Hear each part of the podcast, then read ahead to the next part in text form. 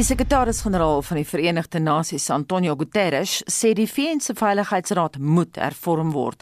Alhoewel dit nie die eerste vooraanstaande wêreldfiguur is wat so dink nie, is dit 'n stem wat nie geïgnoreer kan word nie. Vir haar insette oor die pleidooi praat ons vanoggend met professor Jolanda Spies van die Zayed Universiteit in Abu Dhabi in die Verenigde Arabiese Emirate. Goeiemôre. Goeiemôre Anita. Skets gou vir ons die geskiedenis wat nou terugstrek na 1945 toe. Dis nou van die VN Veiligheidsraad. Die VN Veiligheidsraad is die magtigste instelling onder internasionale reg wat al ooit geskep is. Dit is amper as mense dit kan noem 'n oorlogskabinet van die VN en dit is die eerste keer in die geskiedenis in 1945 dat so iets gestig is. Wat hom uniek maak onder internasionale reg is dat hy die enigste instelling is wat die mag het om oorlog te verklaar want oorlog self het onwettig geraak.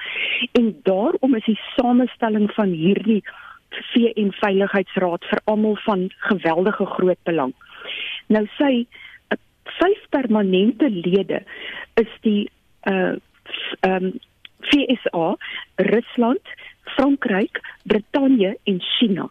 En in 1945 was hierdie lande die lande wat triomfantlik was na die wêreldoorlog. Maar ons is nou in 2020 amper 2021 en die wêreld lyk nie meer dieselfde nie en dit is hoekom daar vrae is daaroor of hierdie gesig van die VN se mag nog dieselfde moet wees as wat dit in 1945 was. Jolande, is die Veiligheidsraad al ooit 'n bietjie hervorm?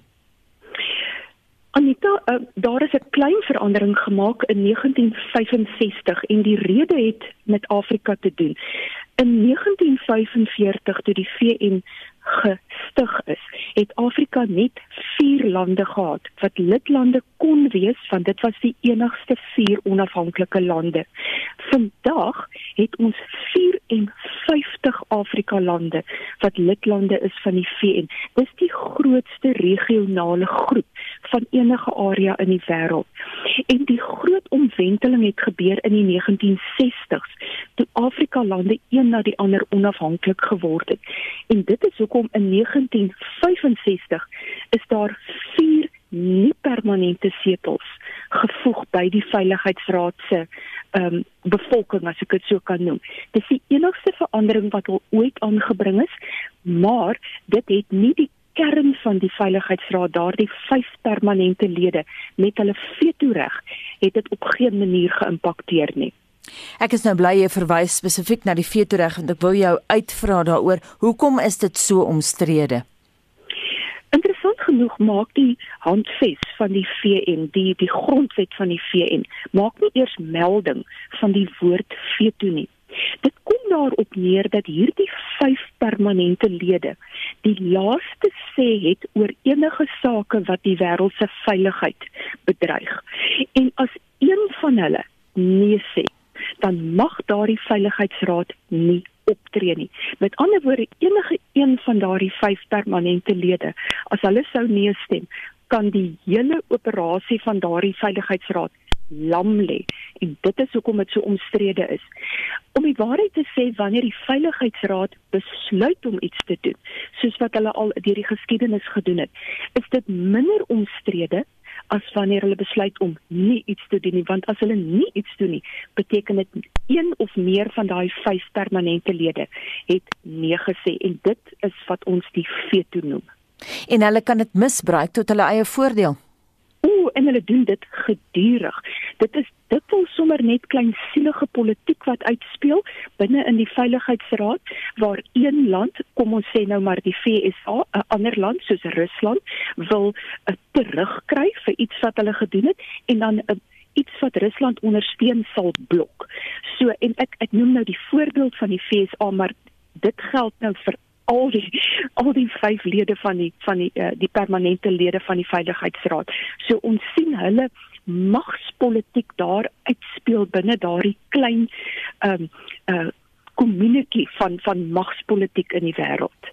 Ek het nou in die inleiding tereg gesê dat dit is nie net Antonio Guterres wat vra vir hervorming van die Veiligheidsraad nie. Dit is al deur verskeie lande ook aangevra. Hoe dink jy Jolande sal 'n hervormde en 'n meer verteenwoordigende Veiligheidsraad behoort te lyk? Like? Eerstens wil ek vir jou sê dit is die meerderheid lande in die wêreld wat sê die veiligheidsraad moet hervorm word. Inteendeel, daar's nie 'n enkele land wat sê dit moenie gebeur nie. Die vraag is hoekom dit nie gebeur nie en dit is omdat daardie 5 permanente lede die laaste sê het en hulle blok enige pogings om dit te hervorm. So ons moet eerstens kyk na die realiteit daarvan dat hierdie organisasie bitter bitter moeilik gaan hervorm. Daarom moet ons kyk na dinge wat prakties is wat wat implementeerbaar is wat hulle met ander woorde sal ondersteun in hulle huidige magsposisie. En die enigste manier wat ek vorentoe sien is om aan regionale groepe permanente stem te gee. Sê maar byvoorbeeld die Afrika Unie kry 'n permanente setel en dan kan die Afrika Unie besluit watter een van sy lidlande moet nou die stoel vol sit sê maar vir 'n spesifieke termyn. Ek dink dit is die mees werkbare opsie en dit gaan ook die mees regverdige wees as elke streek van die wêreld 'n permanente stem het. Jolande, ek wil hê jy moet luister na die volgende klankgreep. Kom ons hoor wat ons ambassadeur by die VN, Jerry Machila, gisteraand daaroor te sê gehad het aan die SAIK. We are convinced especially after the third tenure in the Security Council, that the council need to be reformed. That this archaic structure that has been there since 1975 knew to be transformed and reformed like many other structures in the world to deal with the new contemporary policies. If you look at the contribution of the the five countries that are exiting in terms of substance issues, how to resolve conflict. I mean, we have done so much, done so much on things that even the P5 could not have done. If you see the, the kind of um, products that came up and the kind of subject that we are very brave to discuss, and ensure that the council, especially the P5, address those issues and agree with us. That's why in most cases we have this unanimous uh, adoption of resolutions. But I'm more than convinced that Africa deserves the seat around permanent member table of the Security Council. It's not only because we're there, but because of the quality, intensity of our cooperation, input, and deliberation in the council that everybody is convinced in the uh, in the council the council that Africa deserve to be in the in the council. Jolande jou kommentaar. Ek stem saam met Jeremy Chile dat almal saamstem dat Afrika 'n setel daar verdien. Suid-Afrika spesifiek het homself al baie sterk daaroor uitgespreek dat ons ons eie permanente setel wil hê. Ons voel dat ons Afrika kan verteenwoordig. Ons het groot oppositie in die kontinent van Afrika met Nigerië dink hulle verdien dit meer. Egipte dink hulle verdien meer om Afrika te verteenwoordig. Maar dit nou tersyde. Suid-Afrika het vanjaar die derde keer 'n 'n nie permanente setel gehad en dit is nou net sedert 1994 en ons word elke keer gekies met 'n oorweldigende meerderheid van die VN se algemene vergadering want dit is waar die nie permanente lede verkies word vir 2 jaar termyne. En wat hy sê is waar. Ons het al soveel gedoen om die VN Veiligheidsraad se werksaamhede te verander ten goeie. Byvoorbeeld ehm um, ten opsigte van die betrokkenheid van vroue in vredesmagte ten opsigte van die samewerking tussen die VN en Afrika magte. En dit is inderdaad sodat wie ook al 'n permanente setel wil hê op daardie geweldige belangrike klein en magtige veiligheidsraad. 'n land moet wees wat sy gewig gaan gebruik in wêreldsaake om 'n verandering te maak. En ek dink as Suid-Afrikaners, ons ons weet watter foute ons eie regering maak maar ons kan trots wees op wat ons al bygedra het in daardie forum. Watter foute het ons gemaak? Veral in ons eerste termyn wat in 19 uh, uh, wat in 2007-2008 gebeur het, het ons ideologiese kant gekies in die veiligheidsraad. Ons sou uh kwessies van die veiligheidsraad aan weggehou het bloot omdat dit ons vriende was, ons kamerade was in die in die suidelike halfrond wat wat voor stok gebring is.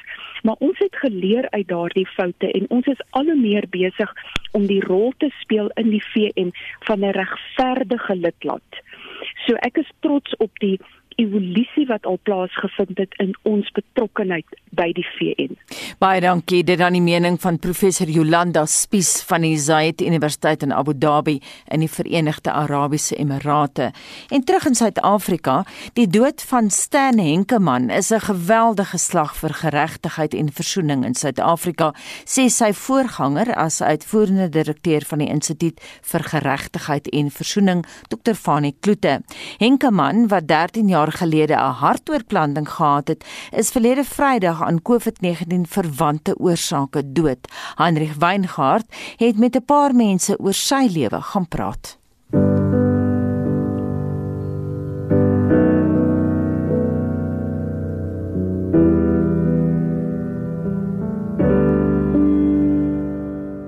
Stan was vir my die toonbeeld van 'n ware Suid-Afrikaner. Sagge aard, innemend, ingestel om inklusief te wees sonder om iemand te verstoot. Hy het nooit sy blik op die groter Suid-Afrikanerskap verloor nie. Al het hy ook nie die uniekheid van die samestellende dele van daardie komplekse samelewing ontken nie. Hy was 'n inspirasie vir almal wat daarna gestreef het om te wees wie en wat jy is sonder om af te takel wie en wat jy nie was nie. Die stem waarmee hierdie huldeblik versteen Henkemann begin is, is die van Dr Leon Wessels, 'n voormalige menseregte kommissaris. Jan Hofmeyer is die hoof van beleid en navorsing by die Instituut vir Geregtigheid en Versoening. As daar een ding was wat Stanley regtig goed kon doen, was dit om te luister sonder vooroordeel en op 'n manier wat almal laat waardig voel het. Dit is 'n vaardigheid en 'n karaktertrek wat ons in Suid-Afrika vandag meer as ooit van tevore nodig het. En daarom gaan ons hom ook des te meer mis. Hofmeyer neem tans waar as uitvoerende direkteur van die instituut. Henkemann se voorganger in die rol was Dr. Fanie de Tooy. Hy was 'n leier met onkreukbare integriteit en hy het dit reg gekry om deur te dring na al die groepe in ons land en om mense van alle agtergronde, ook van oud en jonk, uh op hulle gemak laat voel om hulle te laat voel dat hulle aanvaar word net as hulle is en dat hulle eerlik kon sê wat hulle dink en voel.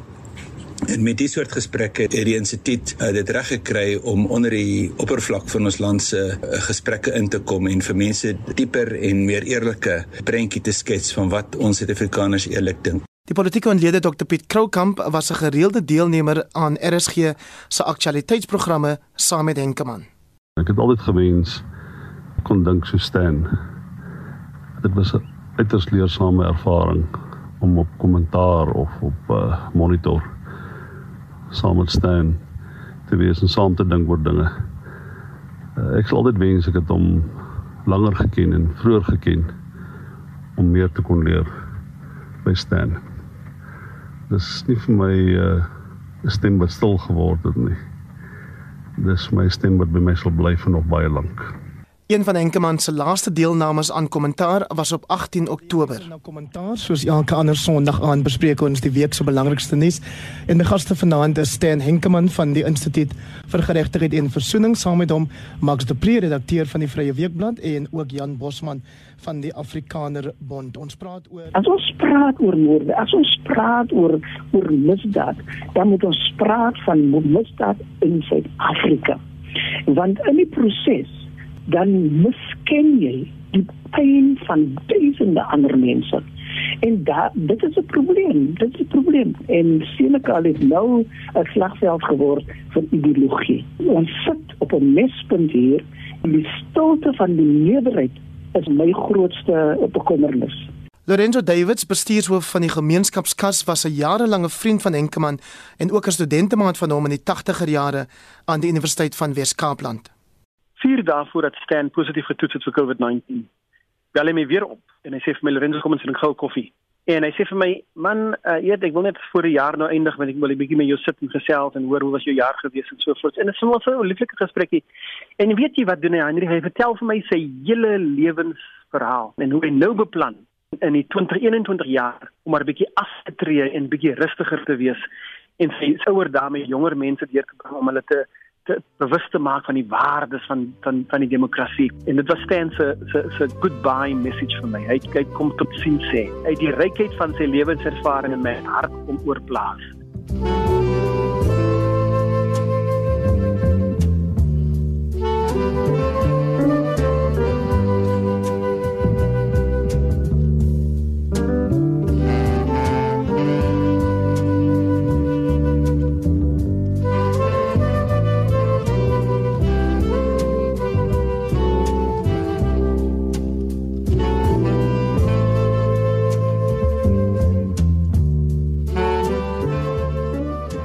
Dit was die klanke van Abdullah Ibrahim se Water from an Ancient Well. 'n Gedenkdiens vir Enkeman word Sondag om 1uur by die Connect Church in Meadow Ridge, Kaapstad gehou. Die diens word ook aanlyn uitgesaai. Ek is Hendrik Weingart vir SAK nuus.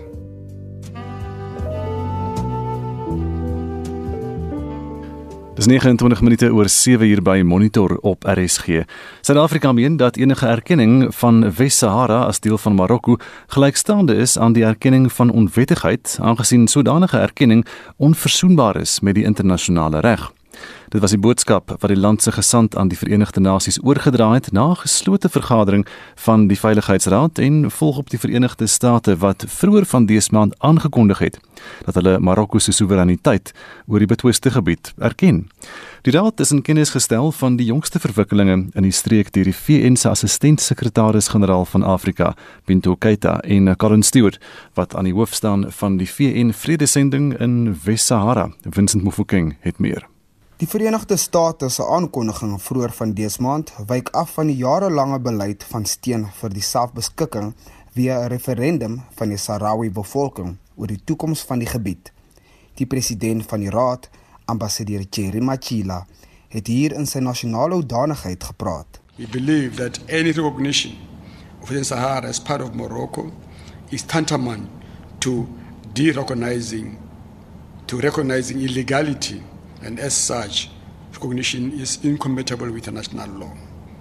Additionally, South Africa reiterates that decisions contrary to multilateral collective decision must be discouraged and unequivocally discarded as they are an infringement of all UN resolutions, as well as African Union, including its Constitutive Act and decisions. Die raadsvergadering het plaasgevind na maande van verhoogde spanning tussen Marokko en die Polisario front.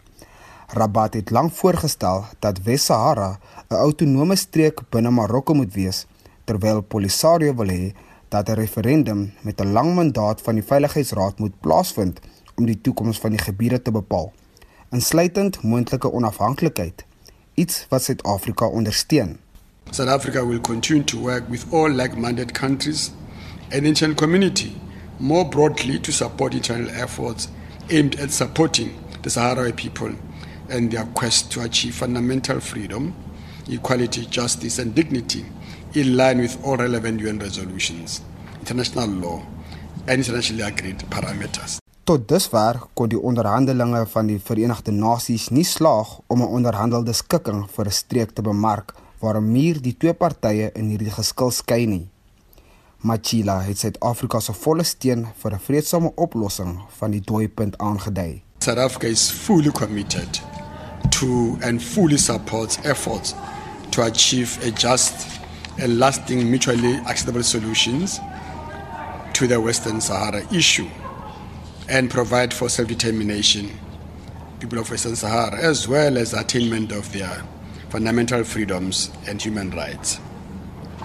South Africa also looks forward to the appointment of a new special envoy for Secretary General, a position which has been vacant for over a year to support the parties' negotiations and the resumptions of political process. However, we wish to reiterate that in the absence of a new envoy, the Council and the international community should look at alternative and peaceful methods to move the political process forward. Die VN het gesê dat sy standpunt op die gebied onveranderd bly, ondersteun deur die resolusies van die Raad, terwyl dit onduidelik is of Washington se standpunt oor die streek weer kan verander wanneer Joe Biden, president van die verkiesing, volgende maand in die amp sal tree. Vincent Mufokeng, SAK-nuus.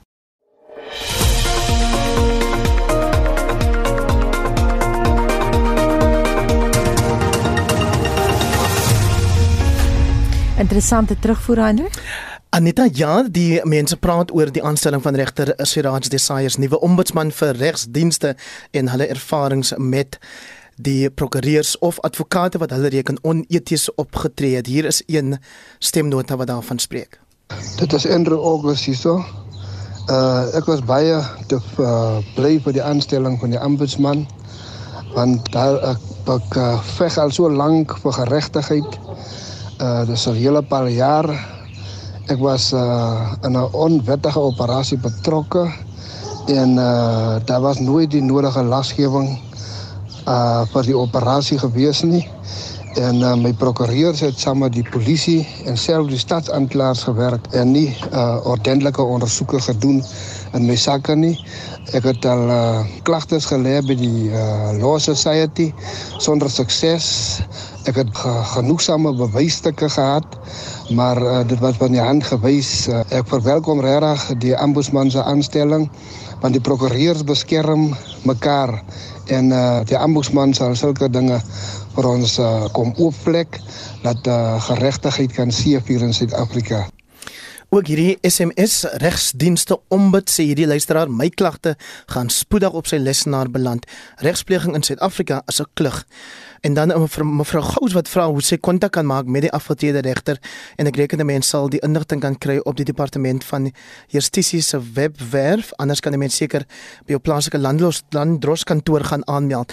En dan iemand anders wat skryf goeiemôre ek het herstel afgetrap met 'n prokureur R13800 betaal en tot my hartseer uitgevind na amper 3 jaar dat ons niks verder gekom het nie en toe ontdek ons in die Hooggeregshof moes ons verskyn en ek is 'n pensionaris, so waar moes ek die geld gekry het? Anton Rautenbach sê die punt is die regsberoep kan haarself nie beteel nie. Hulle beskerm mekaar. Kyk maar na Sloppe en die dronkregter wat 10 jaar lank geskort is met volle betangeling en dan na dat ons 'n hele paar SMS'e en Facebook boodskappe gekry het wat regter Desai self kritiseer skryf Godfrey Julius myns insiens het hy as regter knap werk verrig. Hy sal ook as regsdienste ombid net teleurstel nie. 45889 is ons SMS nommer. Dit kos jou R1.50 elk of maak 'n draai op Monitor en Spectrum se Facebookblad. Anders stuur jy vir ons 'n kort 'n WhatsApp stemnota na 0765366961. Dis nou so 23 minute voor 8 uur by Monitor op RSG en in vanoggend se wêreldnuus vertel Heinrich ons onder meer oor die uitredende Amerikaanse president Donald Trump wat ontstel is oor 'n multimiljard dollar stimuluspakket vir COVID-verligting.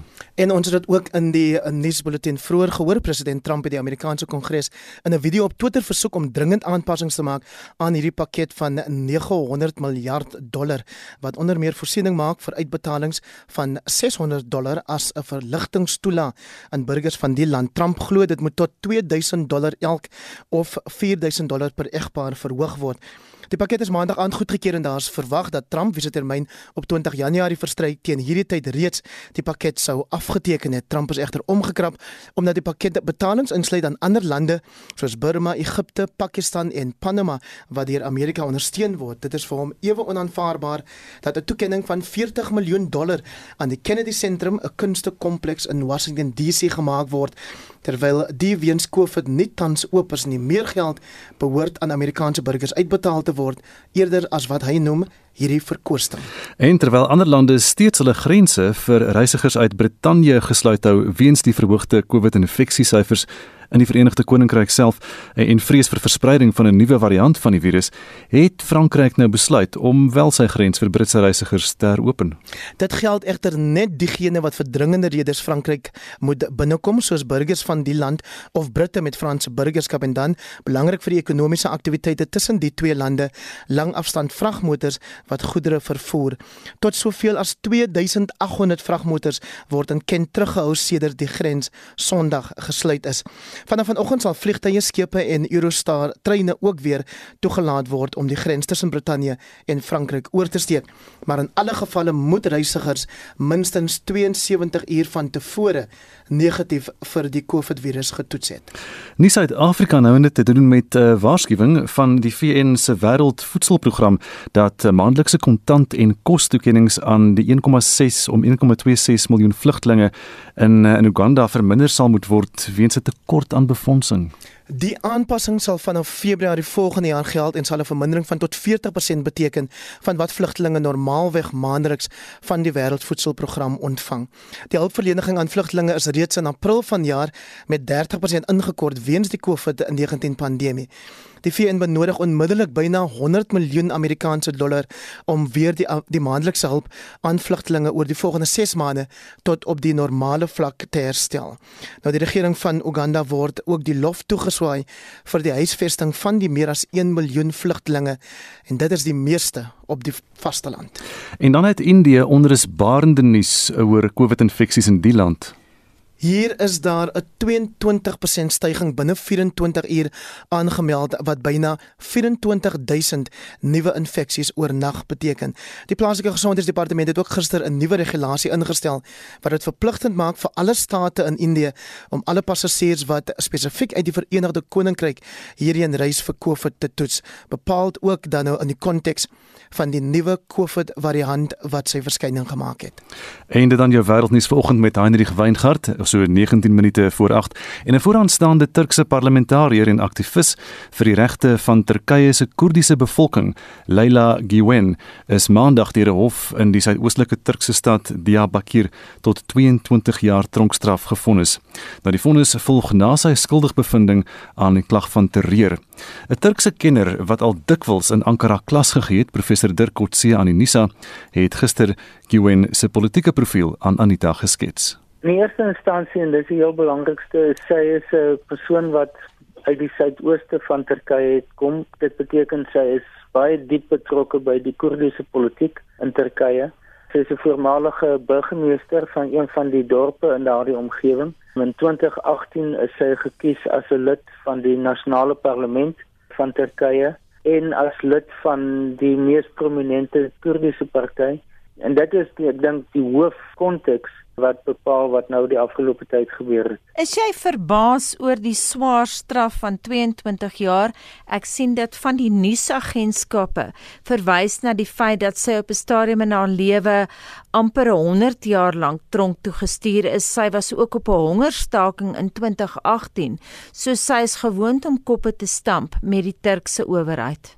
Ja, en dis hoekom ek die in, inleiding gemaak het, is is dat sy is 'n baie prominente Koerdiese politikus Sy het ook uitsprake gemaak ten gunste van die PKK se leier Abdullah Öcalan. Nou uit 'n Turkse amptelike Turkse oogpunt is dit so na aan hoogverraad as wat 'n mens kan kom en daarom het die uitermate lang tronkskrabbe wat sy gekry het.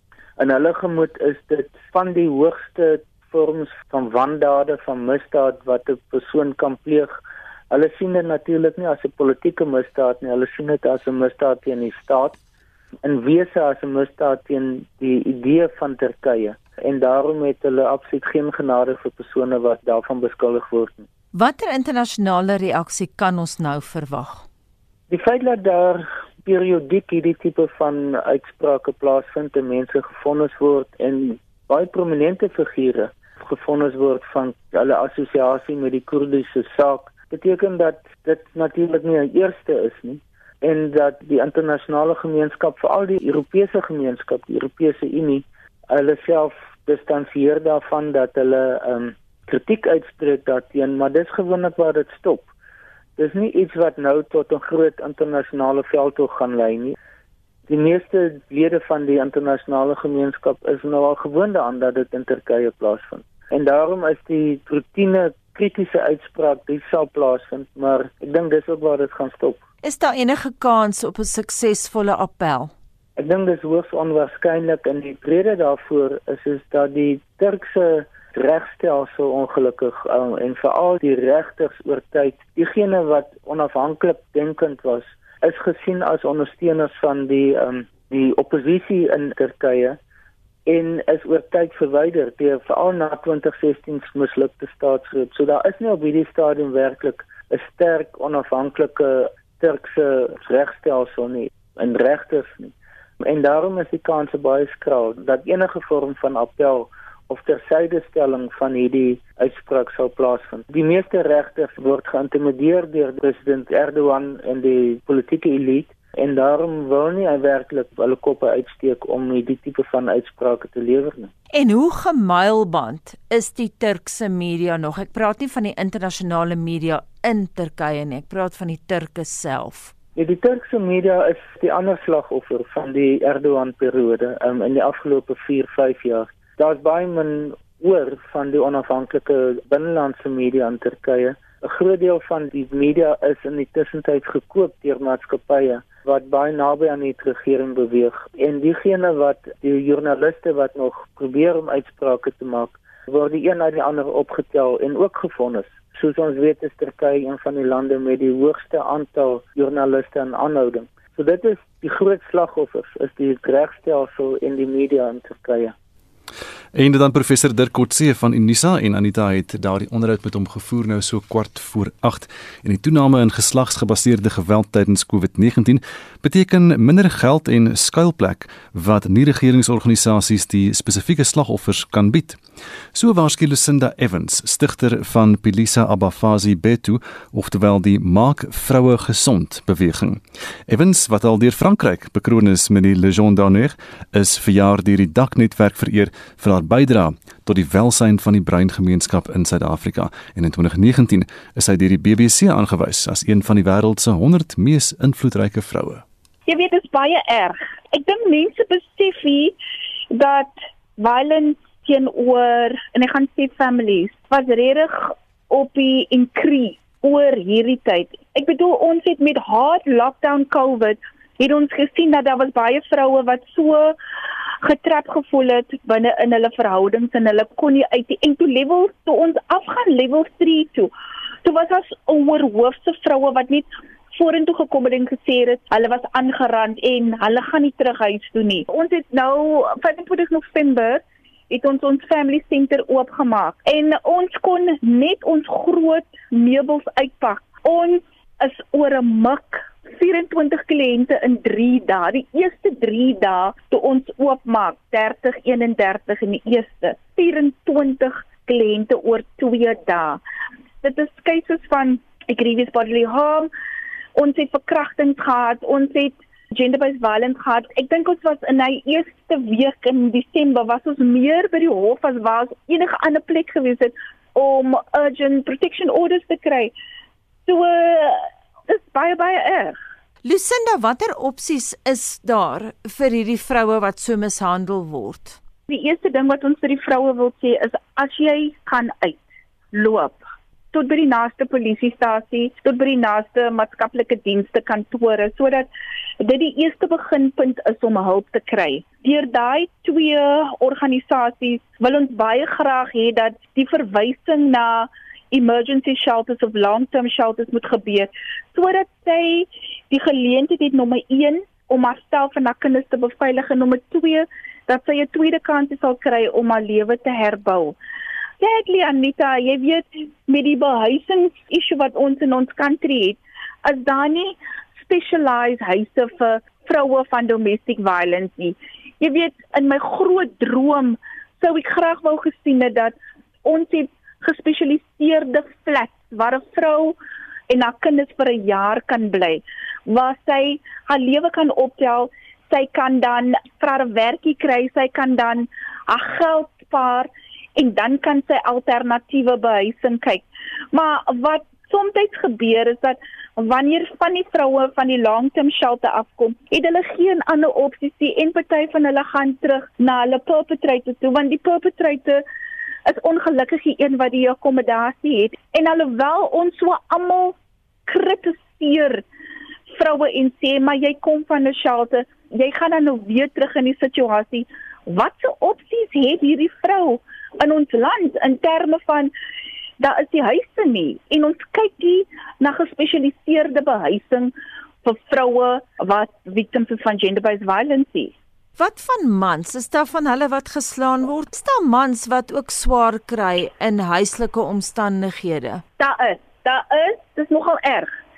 By ons nuwe senter het ons besluit dat ons gaan 4 beddens beskikbaar maak vir 'n man wat presies dieselfde deurgaan wat 'n vrou deurgaan waar ons kan emergency 3 dae huisvesting aanbied en dan kan ons met maatskaplike dienste werk maar jy weet dan nie dat een van die grootste struggles ons heidaglik op die oomblik het ons het ons nuwe senter oopgemaak maar ons sukkel met elektrisiteit ons het nie elektrisiteit nie hier by ons senter nie. En jy weet ons besig met stad Kaapstad en toe ons nou die bil kry hoekom hoeveel ons moet betaal om hierdie elektrisiteit aan te sit ons het nie eens daai begroting nie. So my 8 bed additional diens wat ek het, wat ek vir GBV survivors wil offer, insluit 'n man. Ek kan dit doen nie en dit gaan seker volgende jaar moet plaasvind. Maar ons moet krities begin kyk om dienste vir man wat ook survivors van gender-based violence is te lewer. Ons moet krities as gender activists kyk hoe invested is ons om wanneer ons praat van equal services dat ons dit ook vir mans aanbied. En partymal gaan dit miskien nie nodig wees vir emergency accommodation nie. Miskien is dit die inligting om 'n dringende beskermingsbevel te kry. Die inligting nodig dat hy akses tot sy kinders sou kry. So uh, ja, dit is ons vir polisie abafas die betu. Dit is ons toekoms waar ons sê ons reik uit na man wat ook survivors van gender-based violence is en ons wil van ons dienste aan hulle offer.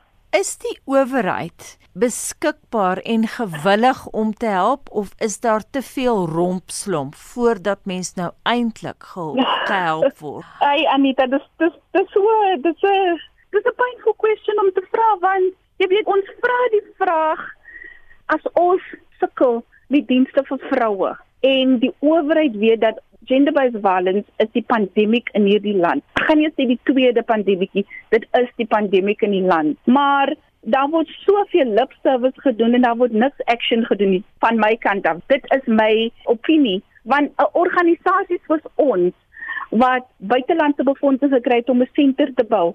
Ek sou wou gehad het dat die owerheid nasionaal en provinsiaal ietsie vir my soos die struggle met elektrisiteit sodat ons 'n vrye diens kan aanbied die befondsing bring. Om vir ons 3 kwart way te meet en sê ons skryf daai 200 000 af wat jy moet betaal want jy help ons. Ons sien nie die tangible action in terme van die hulp wat kom nie. So dit continuously bly 'n struggle. Wat ons currently het is net lip service. Daar's geen action nie Die veelbekroonde kampvegter vir menseregte Lucinda Evans wat vanuit die moederstad 'n onderhoud aan Anita toegestaan het. Die Oeverstrand munisipaliteit in die Wes-Kaap het inwoners gevra om miljoene klein plastiekballetjies op te tel wat op die strand by onrus lê. Die munisipaliteit sê die balletjies, bekend as nurdles, wat in die see en op strande voorkom, veroorsaak groot probleme vir die marine ekostelsel. See diere en voëls sluk die balletjies in wat nie verteer kan word nie en dit lei tot hulle dood. Wolfred Chivel van die maatskappy Marine Dynamics werk saam in die munisipaliteit om die plastiekballetjies van die strande af te verwyder. In 2017 het daar tydens 'n groot storm in Durban 'n skip 'n paar containers 47 ton om presies te wees verloor.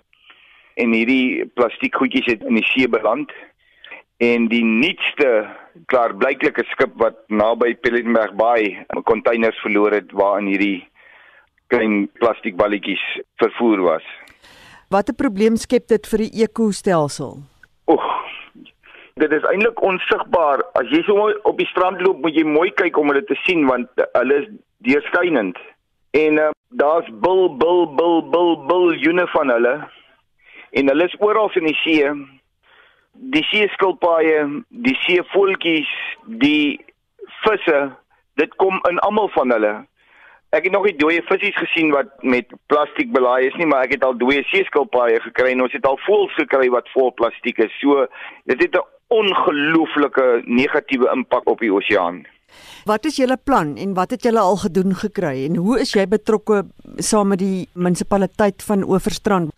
Ons het 'n organisasie wat die Diamond Conservation Trust genoem word. Ons doen al vir baie baie jare alles wat met see lewe te doen het. Ons het 'n rehabilitasiesentrum vir pikkewyne en seevoëls en ons doen die strandings van dolfyne en robbe en ons help met alles. En ons het ook 'n strandskoonmaakdiens al vir die afgelope 20 jaar. Ons werk ook nou saam met die munisipaliteit om rommel en sigaretstompies en enige iets voordat dit in die oseaan kom met nette op te vang die nurdles ons het in hierdie area maar net probeer om mense en groepe te beïnvloed om wel as hulle see toe gaan te kyk of hulle van dit kan optel en dit dan by ons af te lewer. Ons het spesifieke strande ook getarget om te gaan skoonmaak waar mense vir ons laat weet dat hulle van hierdie goedjies sien En um, die wonderlikheid van ons in hierdie area is is ons het 20, 30, 40000 oë want die mense het oor die afgelope klomp jare al gewoond geraak dat hulle ons kan skakel en uh, dat ons dan kan optree en ons is baie gelukkig in hierdie area dat ons die Oeverstrand munisipaliteit het wat dan weer ons hand sterk. Hier en daar uh, kom daar van die staatsorganisasies by, maar ons het 'n wonderlike munisipaliteit wat ons bystaan met hierdie goed. Wat is julle grootste struikelblokke in hierdie poging? Om dit te kry en dit suksesvol te verwyder. Ek hierdie is klein klein klein balletjies en hulle spoel nie in groot groot tonne mate uit dat 'n ou sommer 'n 'n klein stootkraper kan vat en in hoope opstoot nie. Hier in Pearly Beach het ons toevallig 'n paar sakke gekry wat uitgespoel het, maar normaalweg is die sakke gebreek en hierdie goedjies kom individueel uit. Hy is so bonkig soos 'n ryskorreltjie maar korter. So dit is 'n verskriklike moeilike ding. 'n Mens moet sibe langs die see opsit en met grawe werk en dan kan die sand deurgaan en hierdie korreltjies bly behou. So dit is in so 'n mate wat dit op die strande is en jy kan nou net dink dit is amper onmoontlik om alles te verwyder. En so sê Wilfred Chivel van Marine Dynamics en het met Mitsi van der Merwe gepraat. And it is sevens of fight for love.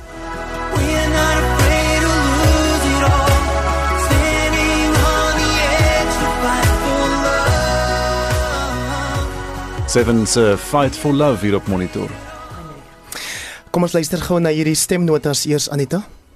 Susanne so van Strysbaai. Ek is in 2013 geskei. My prokureur het my R28000 gevra om my skei saak te doen. Eers het sy gesê gaan my R3000 kos. Op die ou einde was dit 28000. Die dag toe ek skei, het my prokureur nie eens opgedaag nie. Die regter het my ehm um, skei saak verskuif na die volgende Vrydag, na die 13de toe. Hulle het my toe gehelp met 'n ander prokureur wat my gehelp skei het. Ek moes prokureursorder toe gaan met my al my bewyse. Ek het my bewyse en alles gegee, betalings en alles wat ek elke week moes doen. Ek het nog niks gehoor van die prokureursorder af nie. Ek het my huis verloor, ek het my kar verloor, ek het alles verloor en die prokureur het net mooi vry daarvan af gekom. Goeiemôre, so ongeveer 15 jaar terug wou 'n prokureur my op terme plaas kon sys omdat 'n kontrakbreuk sou pleeg nadat ek eiendom aangekoop het. Ek het onmiddellik my neef geskakel wat self 'n prokureur is om die lang van die kort was die ou wat my geïntimideer het met skelmstreke, ehm uh, moes my aan die einde toe aansienlike bedrag via 'n kontantcheck uitbetaal. Ek wil net vir luisteraars sê, moet jy nie aan die neus laat rondlaai aardie prokureurs wat nie weet wat hulle doen nie of jou waninlig en weet wat jou intimideer nie. En dit was dan volgens 'n monitor met waarnemende uitvoerende regisseur en ook volgens 'n redakteur Hendrik Martin. Ons produksieregisseur vandag Daitrin Godfrey. My naam is Gustaf Vreiling. Mooi bly tot môre oggend dan om 6uur. En my naam is Anita Visser.